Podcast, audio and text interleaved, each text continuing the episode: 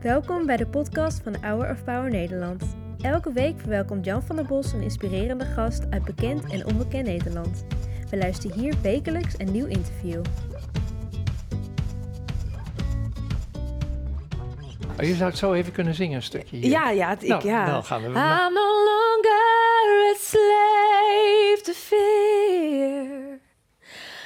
I am a child of God. Ik ben een kind van God. Ja, Ben je dat? ja, Je zegt met grote overtuiging. ja, dat is wel mijn grote overtuiging in mijn leven, ja, dat dat zo is. Hoe is dat gekomen? Opgevoed door ouders die, die God kennen. Ja, eigenlijk was de boodschap vanaf kinds af aan al, van God houdt van je. Naarmate je ouder wordt, dan ontdek je dat ook op een persoonlijke manier. Je ging naar catechisatie, dit belijdenis van je geloof, zoals dat heet. Klopt. Uiteindelijk ook meer in de evangelische kerken eh, terechtgekomen samen met een vriendin. En we gingen naar elke conferentie en wat er ook maar was. Wij gingen er naartoe als 16-jarige eh, enthousiastelingen voor, voor God en voor Jezus. En er ging een wereld voor me open. Wat dat betreft, eh, door de muziek die daar is, natuurlijk heel anders dan in de Gifmiddenkerk. En ik vond het fantastisch. Daar gebeurde ook iets wonderlijks, hè? dat iemand wat tegen zijn Amerikaanse dominee. Ja, dat klopt, ja. Wat- ja. Dat er iets bijzonders was met mijn stem. Hij had me niet horen zingen. Ehm, hij had me ook niet gesproken, dus hij wist niks van mij. Ehm, maar uiteindelijk zei hij zelfs dat eh, mijn liederen, of mijn stem te horen zou zijn op de radio en mijn liederen eh, veel betekenis zouden in het land. Terwijl ik was dus 16 en ik schreef toen ook nog geen liedjes. Gek, hè? Eh, dus dat was toen heel bijzonder voor mij. Een hele bijzondere ehm, avond waarin ik zag van God ziet mij. Want, want die man die weet, die zegt hier dingen die hij niet kan weten. Ik zing en muziek is voor mij belangrijk. Dat was toen op mijn zestiende ook al zo. Dus ik voelde me heel erg gezien en eh, ik werd daar heel erg door geraakt, door Gods liefde voor mij. Nou ja, en als je dan nu kijkt naar mijn leven, dus het, vind ik het ook wel heel bijzonder hoe dat allemaal gelopen is. Ja. Dan komt er wel een crisis aan. Waarin jij eigenlijk door de christelijke vloer zakt. ja. Om zo maar te Ja, zeggen. dat, is, dat klopt. Ja, dat, dat is. het was tien jaar lang eh, helemaal bergopwaarts en fantastisch en geweldig. En, en toen, ja, toen kwam dat eigenlijk inderdaad wel tot, tot stilstand. Eh, door allerlei verschillende dingen. Maar ik denk dat het grotendeels begon met de miskraam die, eh, die wij kregen. Jij en Pim. Ja, ik Ja. en Pim eh, wilden heel graag een kindje. En, en dat was na een jaar lukte dat. Dus we waren heel blij. En toen na twee maanden nou, hield dat op.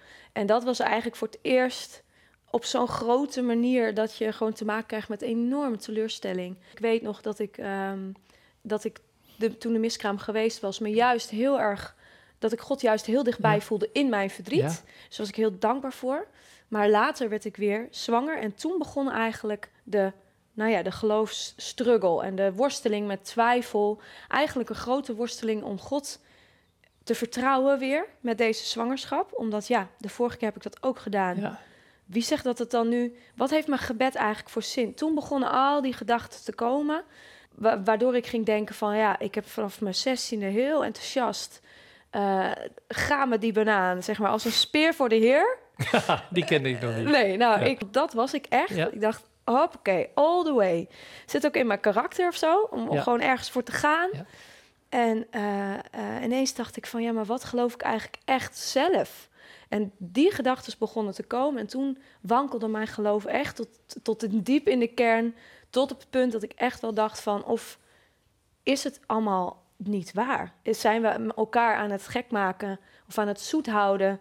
met, met een mooi iets Ja. om dit leven aan te kunnen met elkaar. Als een soort aai over de bol. Maar wat is er eigenlijk echt van waar? Ben ik misschien gehersenspoeld of zo van jongs af aan? Dus nou ja, dat, dat was echt een periode van ruim drie jaar.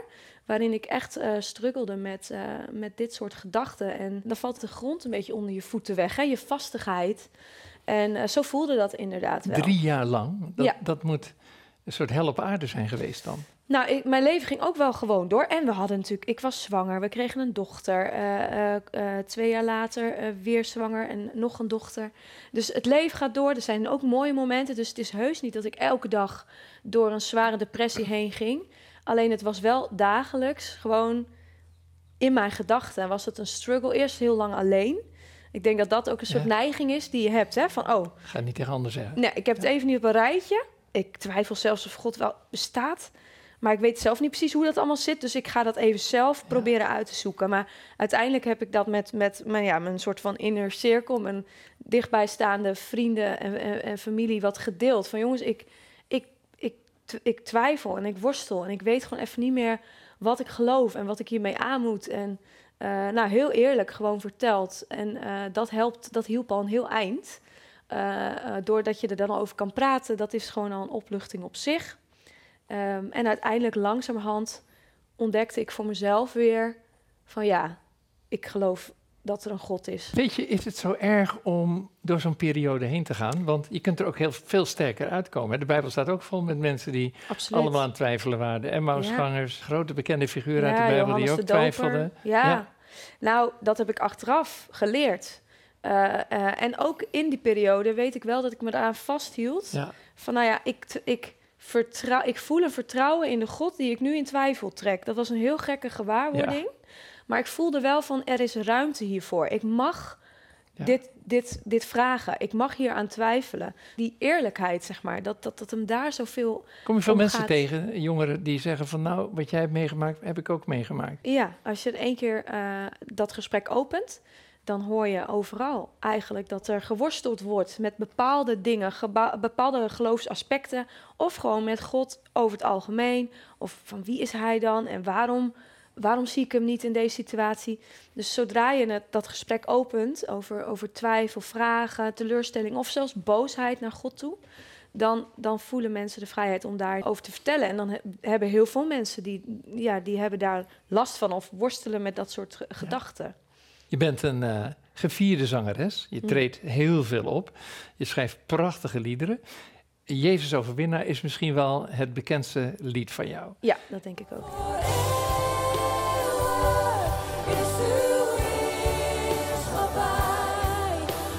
No.